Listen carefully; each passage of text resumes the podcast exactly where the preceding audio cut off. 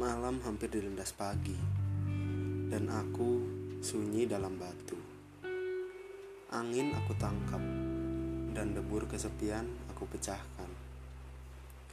Aku lupa kalau musim bisa menagih hujan. Aku lupa kalau bumi bisa meretak. Aku lupa pada patrap, pada jejak yang harus aku pahat, pada benih yang tak bisa dilihat.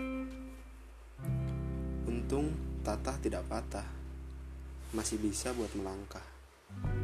Maka inilah sesembahan yang aku sodorkan, sembayang yang bisa aku lakukan. Semoga masih ada pagi untuk kelak kita bisa saling tawar kopi dan menikmati padi menguning tanpa pestisida, boraks, dan iklan di TV.